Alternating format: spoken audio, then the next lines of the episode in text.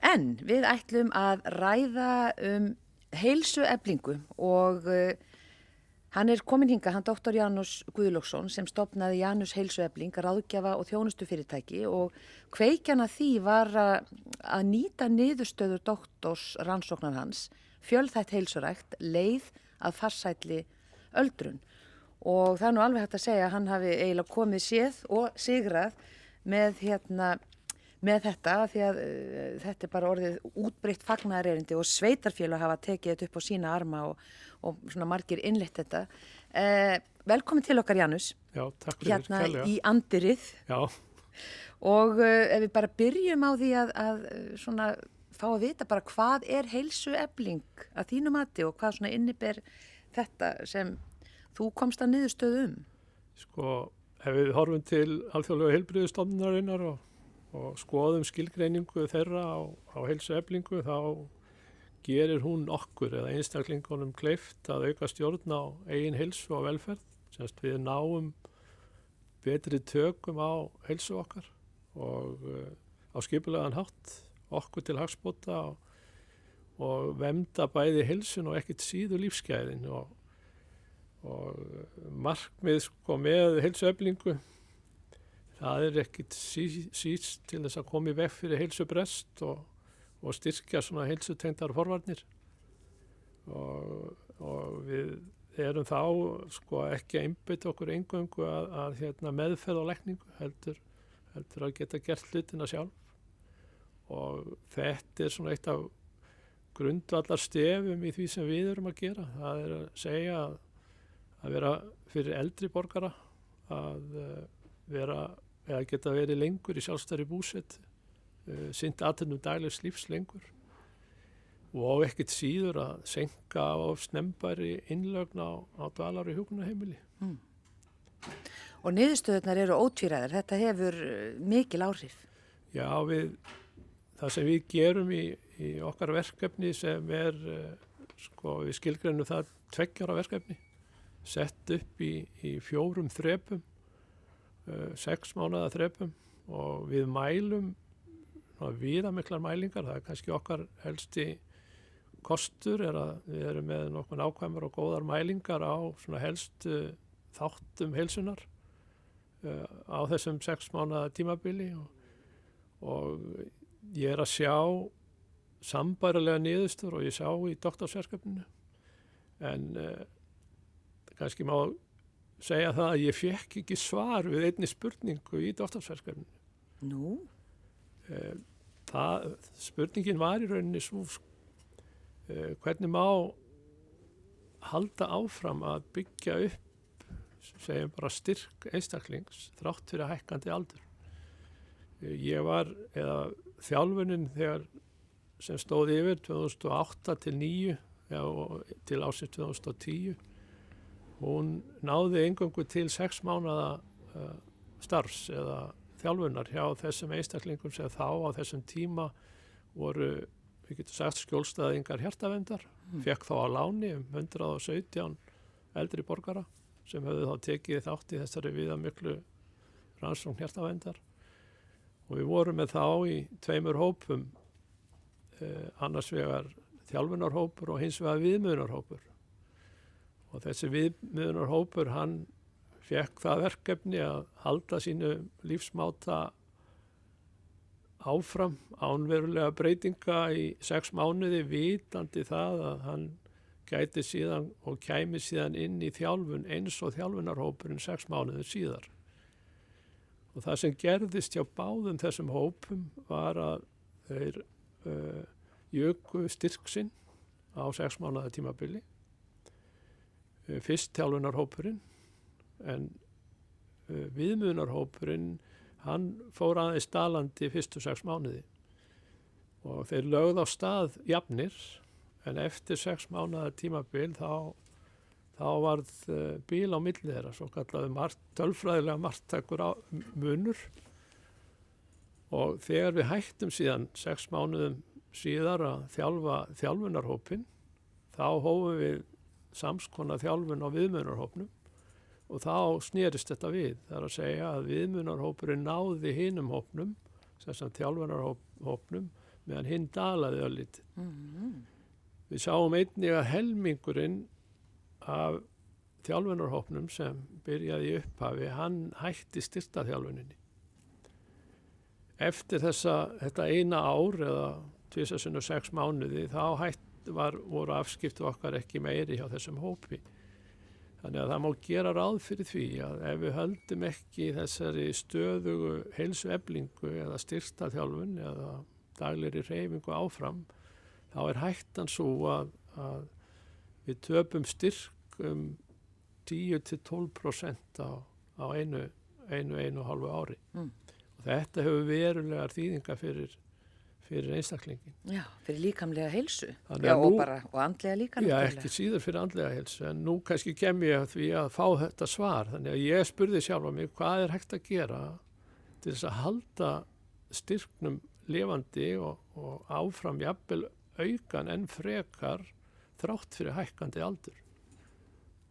Og eftir þessa, þess vegna skipulöðu við þessa heilsueflingu í fjórum þrepum í tvö ár og við sjáum það að nú erum við búin að vera með uh, tvö sveitafjölög uh, yfir þennan tíma, annars vegar Reykjanesbæ og hins vegar Hafyrðinga í þessu verkefni.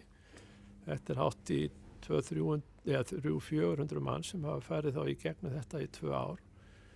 Það sem við sjáum, og loksins fekk ég svarið, að við sjáum þrátt fyrir hækkandi aldur þá er styrkurinn enn að aukast og þetta gerist í rauninni engungu á þann hátt að þú færð ákveðið aðhald þér er synd af kostgefni og en ábyrðin svolítið setta á einstaklingin um að halda og viðhalda sinni, sinni reyfingu. Mm. En það er þessi kvartning og þetta aðhald, þetta eh, skiptir sköpum. Þetta er líkilatrið. Það er þetta aðhald og tala nú ekki um ef við snúum okkar að þessum, þessum ólgu sjó sem við erum í núna varðandi COVID þá, þá þurfum við ákveðið haldreipi. Mm. og við höfum þurft að breyta um áallanir, það er eiginlega valla hægt að áallan ef maður eina, tvær vikur fram í tíman ef það er hægt svo lengi þannig að við erum, höfum snúið okkar þjálfun í dag í, til dæmis hér á höfuborgarsvæðinu í Hafnarfyrði upp í fjárþjálfun þannig að við hittum fólkið ekkert en þau erum samt í samskipti við þau á sama hátt og við gerðum í februar-mars þegar, þegar fyrsta bylgjan var í, var í gangi Mm. Þannig að við, þau fá frá okkur tölvuposta með heilsupislum, þau fá kvartningu til þess að gera betur, þau fá heimaæfingar til þess að sinna. Það hefur gengið afskaplega, afskaplega vel að, og þau eru, veit ég, að því að við höfum spurt þau að því að mjög þakklátt fyrir þessa, þessa nálgun. Já, ef við bara aðeins komum inn á hvaða æfingar eru þetta sem þau eru að gera? Já, fyrst og síðast er það hreyfingin, þessi daglega hreyfing sem við hvetjum þau til að sinna hver, að því að nú hafa þau ákveðna reynslu og vita hvernig þau eiga að bera sig að. Og í raunin er þetta einfallleikin í, í bestu mynd það er að segja að það er að fara út og, og reyfa sig í 20, 30, 40 mínútur uh, á hverjum, hverjum degi. Og ávinningurinn engangu að þessari reyfingu hann er gífurlegur uh, og við getum kannski rætt þann öllítið á eftir en mér langar samt svo lítið að koma inn á þetta haldreipi sem við þurfum á að halda núna Mm. Og það er sko við getum sagt að haldreipi sé stundaskrá eins og í skólunum að því það hafa verið að hæla skólunum hér, hér áðan og, og kennurunum og sjálfur er ég kennaramentaður og, og eins og víður kom inn á áðan í, í, í pisli sínum eða ingangi að þessum vörnum að það er nóg að gera hjá, hjá kennurum landsins í dag. Já, það er, og það er víst. og stundaskráin er í rauninni þannig að þú setur þér bara upp fasta rútínu yfir daginn. Og þetta á ekkert bara við um eldra fólk, þetta á ekkert síður við um fólk sem er kannski að missa vinnuna er, og er á milli, við getum sagt að það sé bara á milli skips og bryggju til þess að hafa eitthvað haldreipið þá er stundaskráin á, til staðar.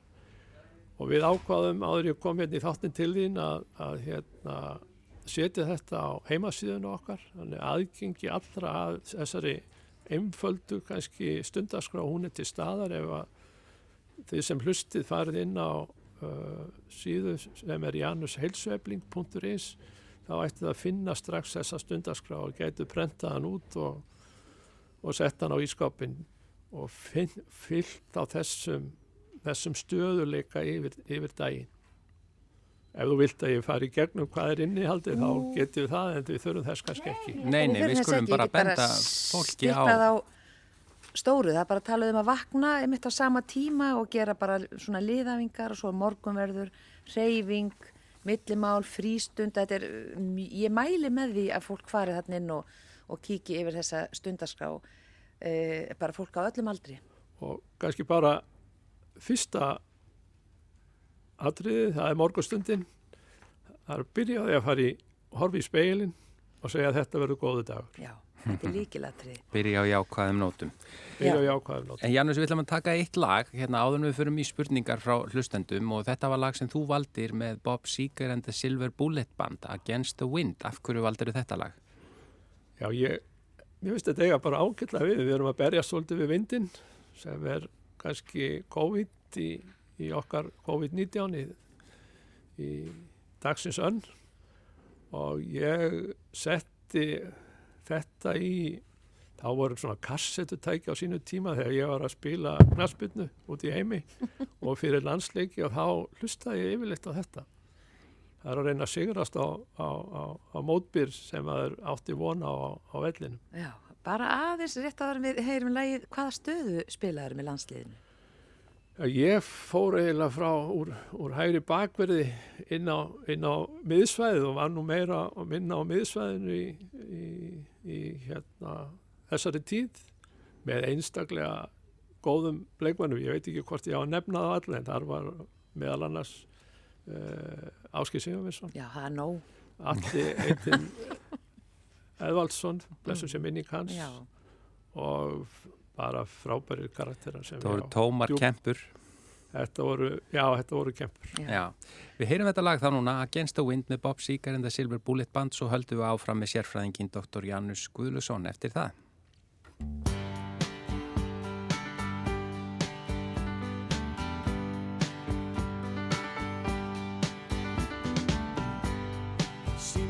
yesterday But it was long ago Janie was lovely, she was a queen of my night. There in the darkness with the radio playing low end. And the secrets that we share. The mountains that we move.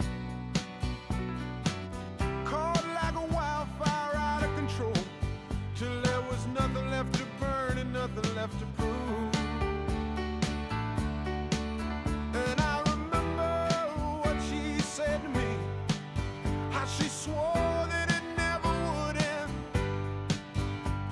I remember how she held me oh so tight. Wish I didn't know now what I didn't know then. Against the wind, we were running against the wind.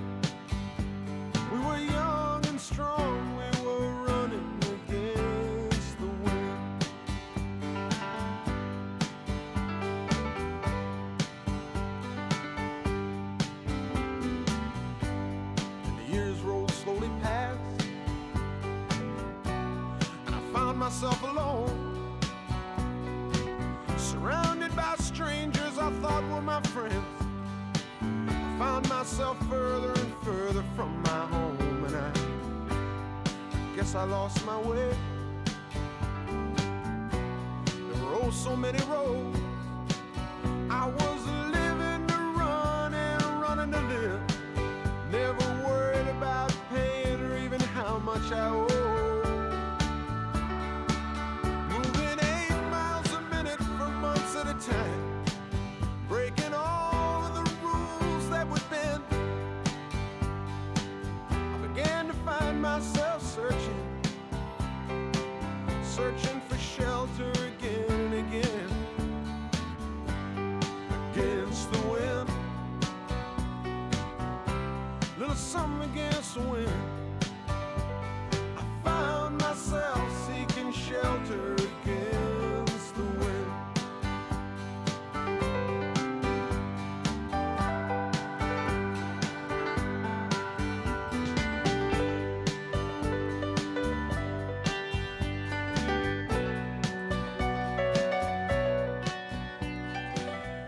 Já, þetta eru Bob Seger and the Silver Bullet Band og lagið Against the Wind. Þetta var óskalag sérfræðings okkar í manlega þættinum í dag, Dr. Janusar Guðlussonar sem að situr frammi í stúdíu Andiri með eh, Guðrúnu.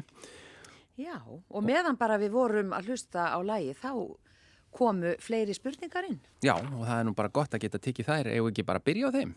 Jú, líst vel að það. Já, hér kemur fyrsta spurningin. Eh, það er hérna ein spurning til Janusar. Skiptir máli fyrir okkur eldra fólk að æfa með ákjæfð í stuttum lótum? Já, góð spurning. Eh, Sko, það má bæði vera með ákveðna ákjæfð en þessi gullni, eh, þetta gullna meðalag er einna, einna árangusríkast. Það er að segja, að, og það er oft miða við spjallhraða, þú getur með og ert að ganga, þá getur þú spjalla við sessu naut eða sá sem er að ganga með þér og haldið upp í samræðu með þú ert að reyfa þig. Það er svona talið að þetta sé ákjósalegt og ég veit að þýskir hjartaskullæknar notuðu þetta fljóðlega eftir stríð og fundu út þennan og má vel vera að verið einhverju aðri líka en, en notuðu þetta við endurhæfingu hjartasjúklinga. Já, Þannig að þessi gullni meðalögur er í rauninni svona 60-70% af hámarki ef maður notar fræðibækurnar og hann má tengja oft spjallhraðan. Þannig að ef þú ert að fara út að ganga og þá mæla heilbriðisstofnanir með aðlámarki 30 mínútum og ef þú gangi nokkuð rösklega en getur haldið upp í samræðum. en ef að fólk finnur að það er orðið mótt, Þá engungu bara hægja á. hægja á. Já, já. En þeir sem eru við góða heilsu, þá er einnig mælt með svona stuttum, stuttum lótum og, og það er nefnilega hægt við svona svo kallari tauga aðlugun Já, líkamans. Þannig að ef þú ert alltaf að ganga á sama hraða og sömu braut, þá hættir líka meina að taka eins mikið til sín af eða að bæta sig eins vel eins og sá sem kannski notar stundum hæða mismunni brekkur og svo kolla kolli. Þannig að Þannig í að fjöl- rauninni s- svarið þitt núna við þessu á líka kannski við hina spurninguna sem var að berast núna bara eftir að þátturinn byrjaði. Hún, hún er svona, hvort er árangusríkar að ganga hratt í 30 mínútur eða rólega í 60 mínútur? Þetta inniber nánast svar við því ekki sett. Þetta er í rauninni sama, sama svarið sko. Og Ég mæli í rauninni bara með fjölbreytni og ekkert síður kannski að fara inn og hjóla ef við erum með þrekhjóli eða fara út og hjóla ef við treystum okkur til þess, synda, það er að hafa fjölbreytileikan mikinn og það getur einnig verið fjölbreytileiki í þessu svari um ákefðinu. Já, en, fara, en fara bara aðalatrið er að fara ekki fram úr sér. Þannig að þú náir að Já, náir ekki að kasta mæðinni, það gengur eiginlega ekki. og ég, já, því ég sagði þegar fólk er orðið ofmótt, en kann, auðvitað á maður að segja mæðið, er það ekki rétt? Jú, jú, það er ágætt. Þá, þá hægir bara fólkið að, að litið á, á sér. Já. Jæja, en þá komum við að spurningum sem við fengum áður uh, á undanförnum dögum. Um, ég ætla að byrja bara á þessari hérna. Hvað er best að gera við styrðum fótum?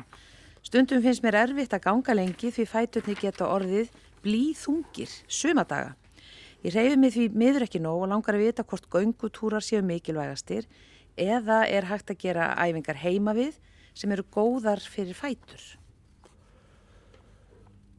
Já, gott væri að fá þennan einstakling í, í greiningu og mælingu og, og kanna, það sem ég myndi kannski kanna fyrst, ef að fyrst ég heyri að fæturni verður fljótt þung, þungir er, er kanna blóðhrýsting Já.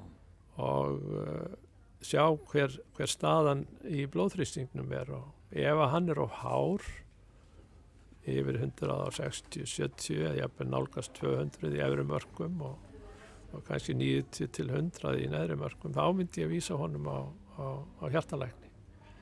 Og það er ágætt fyrir eldri einstaklinga orðni 60, 65, 70 að fara á nokkur ára fresti, jafnvel þryggja, fjara, fimm ára fresti til og láta kíkja á sig og skoða sig.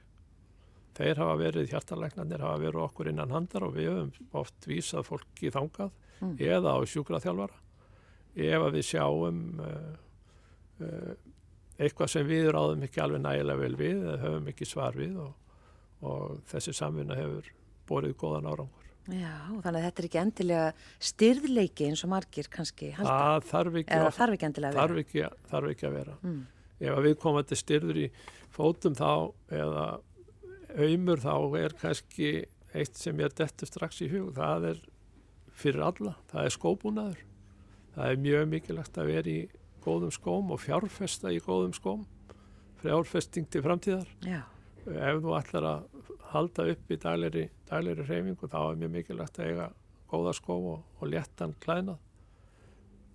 En uh, æfingar er hægt að gera heima við líka. En sko Og- góðir skór, eh, getur það verið mismunandi eftir einstaklingum? Það, þarf maður þá að fara í rauninni og fá einhvern fagmann til að segja með hvaða skór eru góðir fyrir hvern og einn? Já, það, þeir ættu nú að, það eru mikið á góðum skóm á, á markað í dag. Ég veit, ég, kannski ég er að auðlýsa ákveðna vöru ef ég fer að upp, upplýsa skóm ég gengi, en ég hef búin að ganga í sömu, söm, sama merkinni á í tæplega 20 ár. já, það er örgulega misjant hvað hendar. missa hvað henda hverjum Já. og einum. Já, en uh, já, bara næsta spurning. Já, Gunnar. hér kemur einn. Komið sæl, ég er á besta aldri líklegast á aldurshópur sem þú vinnur mest með Janus, ég vil greinilega ekki gefa það alveg upp strax. Mín spurning snýrað líkamsþyngd. Ég er sem sagt nokkuð stór maður, talsvert yfir kjörþyngd um það byrj 20 kílóum. Ég reyfi mig talsvert, fer í göngutúra og gerir líka smá styrtaræfingar hér heima til dæmis með lóðum. Þannig að ég held að ég sé í ágætis formi þannig lagað get gert svona að mestu leiti það sem ég langar til en ég er of þungur. Ég hef ekki lést þrátt fyrir göngutúrun á æfingarnar líklegast að því ég hef ekki breytt mataræði mínu mikið. Mér finnst gott að borða góðan mat og er kannski daldi veikur fyrir sætabrauði. Börni mín segja jafnvel meira en lítið veikur fyrir því. En spurning mín er svo, hversu mikilvægt er það fyrir mig að léttast en mér finnst ég vera bara nokkuð hress og í ágætis formi? Ég er nálagt 70 og þó ég viti kannski svo sem hvað svarið er, er ég að leika mér að eldinum. Já, að hluta til má segja þú sést að leika þið svolítið að hann sé að leika sér svolítið af eldinum. Ég finnst hann eiginlega svara spurningunni sjálfur. það er að segja ég, í hans sporum eh, veit ég allavega að taka út sætabröðið í einhver tíma. Eh, það er í rauninni, næringin er, ef við, ef við horfum á tíu krónar pening, það sem er skjaldamerki er öðrum megin og, og talan tíu er hinum megin þá er heilsu eflingin í rauninni bundin báðum hliðum. Það er að segja að þú getur ekki verið án hinna.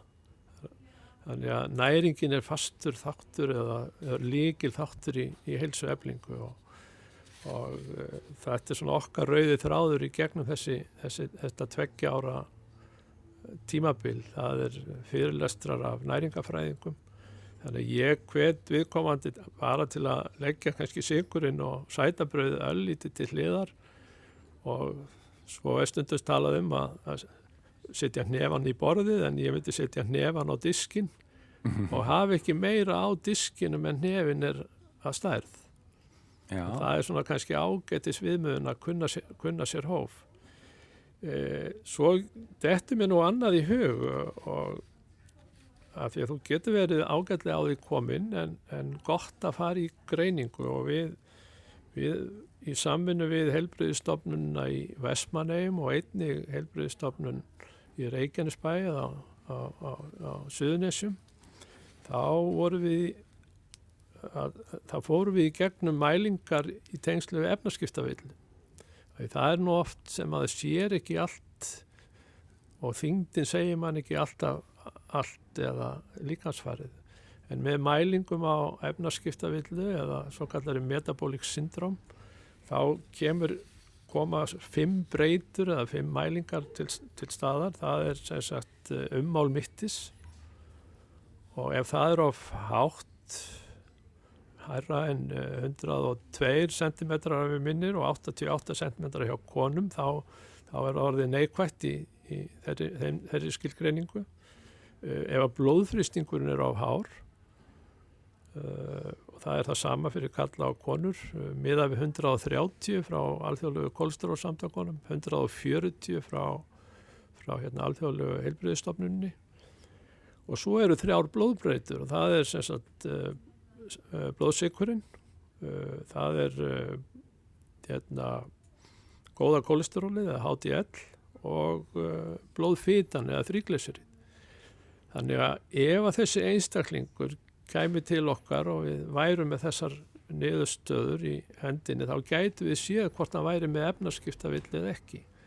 Og það er í rauninni það að ef að þrjár breytur sem ég var að tala um af þessum fimm eru fyrir ofan eða neðan ákveðin lámörk sem alþjóðlegu kolesterólsamtökin gefa út eða, eða hjartavenn bandaríkjana þá er viðkomandi áttfald meiri áhætt að fá enginni hjart- og æðasjókdóma með hinn sem hefur það ekki.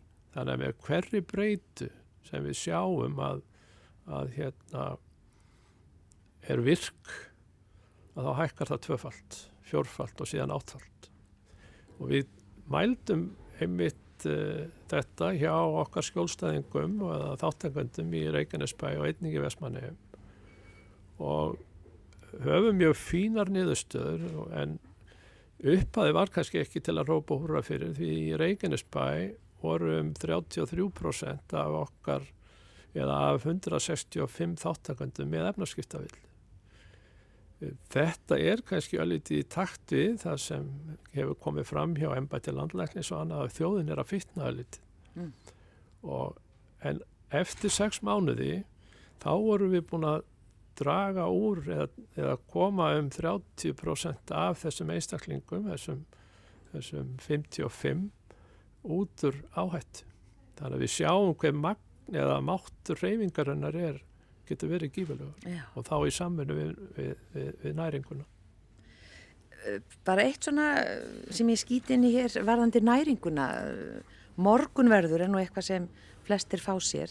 E, margir fá sér ristabrauð með osti og margir havragraut. E, sem sagt, hverju myndir þú mæla með? Ég myndi bara mæla með hvoru tvekja. Hafa, hafa nógu fjölbreytt og sérstaklega hafa korni gróft, uh, músli eða það er mjög fínt með rúsinum og einmislega. Þannig að þetta sé í nái til já, fjölmargra þátt að næringarinnar. Já, ekki kannski alltaf fá sér það sama. Nei, ekki alltaf. Ekki alltaf. Já. Halda sig frá sætabröðinu. Já, það er allt í lægi að á góðum stundum að fá sér eitt og eitt sætabröð en það kalla líka á að þú þarft að brenna því og þá kemur reyfingi til, til, til hérna sögunar. Mm. Já. Var ekki ein spurning eftir Gunnar? Jú, á ég að lesa hana? Já. Já, kontu sæl Janus, ég er í vandræðum með að fá mannin minn til að hreyfa sig með mér. Við erum 74 og 75 ára og ég hef áhugir af hreyfingaleysi hans. Reyna að fá hann með mér í göngutúra og í almenna hreyfingu en sem stundum tekst en allt of oft finnur hann afsökun til að koma sér undan hreyfingunni.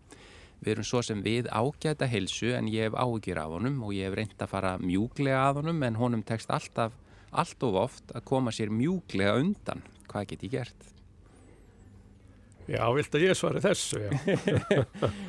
Eh, ég, ef ég væri konan þá myndi ég nú bara spyrja eigimannin hver lengi hann vil vera í sjálfstæri búsettu með henni. Semst að beita hótunum. Já, nei, bara, þetta er bara mjög kurtislega spurning um það að hann hefur ákvöruna réttin og en ekkert síður að hún gefist ekki upp um að halda reyfingunni áfram. Já. Það væri kannski hægt að fá sér sko svona podcast eða hlusta á podcast í eirnátólum og hlusta á mannlega þáttinn meðan hann er að ganga með konunni. Það Já, það er nú alveg klukkutíma að ganga. Já, Já. ekki spurning. En þarna er náttúrulega, já, maður náttúrulega tekur ekki ábyrð á annari mannesku sem er fullorðin en, en, eh, Nei, við höfum við, kannski, en við getum haft áhrif. við getum haft mikil áhrif og við sjáum þetta mikið af hjónum sem eru hjá okkur saman og oft eru það nú konurnar sem fá kallpenningin til að fara með sér. Þær eru, og sínt, hefur það sínt sér í rannsóknum að þær eru sinna, sinni heilsu að meiri kostgefni en, en við kallarnir einhverja hluta vegna. Þannig að ég hvet bara þessa konu til þess að ræða eins betur við, við kallsinn um þennan möguleika ekkert síður að geta búið lengur hjá henni og, og verið í sjálfstæðri búsett og, og synda að hennu daglega slís lengur. Hmm, þetta er kannski já, verkefni fyrir ykkur í heilsueflingu að koma staði af hverju þeir eru svona tregir til eða tregari. Já, það, þetta er rannsóknarefni. Já. Mér langar að skjóta aðeins inn í að því að Guðrún var að tala á hann um morgumattin að, að nú er mikil tíska að, að ég veit ekki hvort það kallist á íslensku lótufasta eða hvað það hefur verið að tala um 16-8 eða 17-7 að borða kannski ekki í 16 klukkustundir á sólarring eða 17 bara í þá 6 eða, eða 8 eða 7 klukkustundir. Er þetta eitthvað sem er kannski ekki ráðlegt að gera eftir vissan aldur eða Já, nú væri betra að hafa næringafræðingana. Ég hætti mér alltaf inn á þessa, þessa braut. Ég þekki að vísu til okkur að svona fasa eins og uh, 5-2, er svona fasta eða minka sko eintökuna í tvo dagi viku niður í svona 5-6 upp í þúsund hittaeiningar. Mm. Uh, þetta hefur borið ágættis ávöxt og, og sérfræðingar hafa rannsakað þessa, þessa nálgun og föstuna einnig uh, en við megum var okkur þegar við erum komin á þennan aldur að, og orðin, já, orðin fullorðin að þá er skipti næringins afskaplega miklu, miklu máli og það er nú kannski frekar hvað við innbyrðum og með tilliti til þá hverju við brennum Já. Já.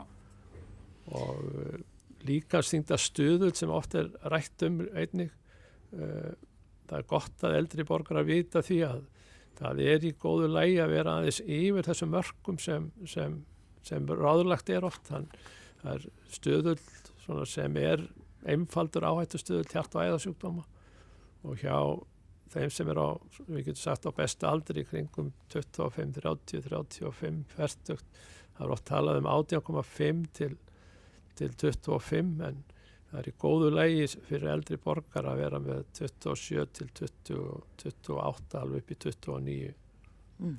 en, uh, og við sjáum það líka að, að reyfi geta þessa hóps uh, þrátt fyrir svona liti hækkandi hæk, herri stuðul hún er jafn góð og hinna. Uh, en það er ekki gott að fara yfir þá 30 eða undir undir 20 mikið. Aðeins kannski að því við vorum að tala um hreyfinguna og það er svona stittast e, í tímanum hjá okkur. Fyrir þá sem, já það er bara allt eða meira og minna allt loka núna en margir eru duglegir að fara út í göngutúra. Styrtaræfingar eru mjög mikilvægir eins og þú eru oft komið inn á. Er eitthvað, svona getur, já ráðlagt fólki einhverja hreyfingu eða æfingu innandýra? og hvað er hægt að nota í staðan fyrir lóð eða eitthvað slíkt, einhver styrtaræfing sem er góð?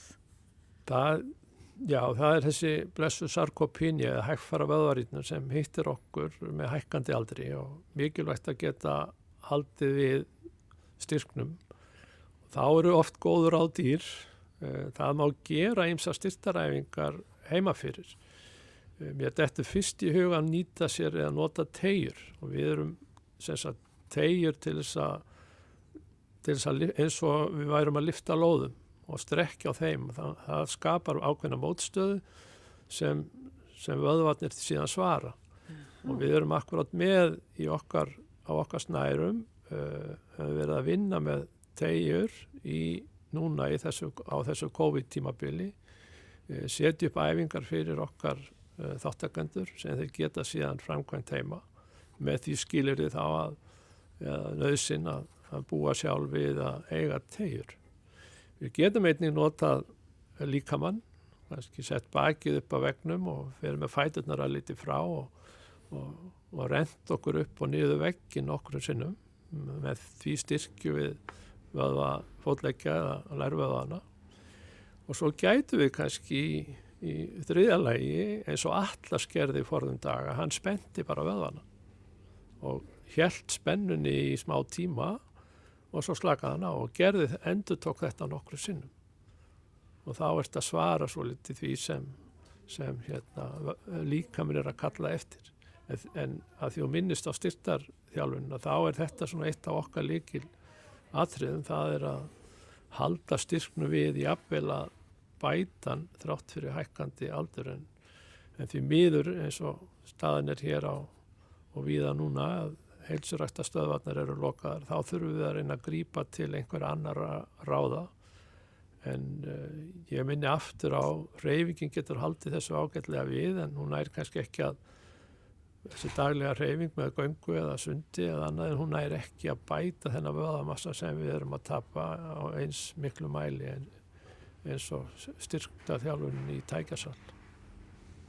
Akkurat. Já, Ein mitt, nú sé ég ekki alveg á klukkunagunar, Jú, hvernig við erum bara, ég tímanum? held ég læði svona í gang loka stefinu núna, við erum bara, það, það var eins og okkur grunaði, við komum nú ekki að tómum kofanum hjá honum Janusi, þannig að það var nóg af upplýsingum að koma til skila en, en e, við, erum, við eigum svona rúmar þrjár mínútur eftir af stefinu Já. ef við viljum eitthvað, eh, koma einhver að að lokum, hvað segir með það?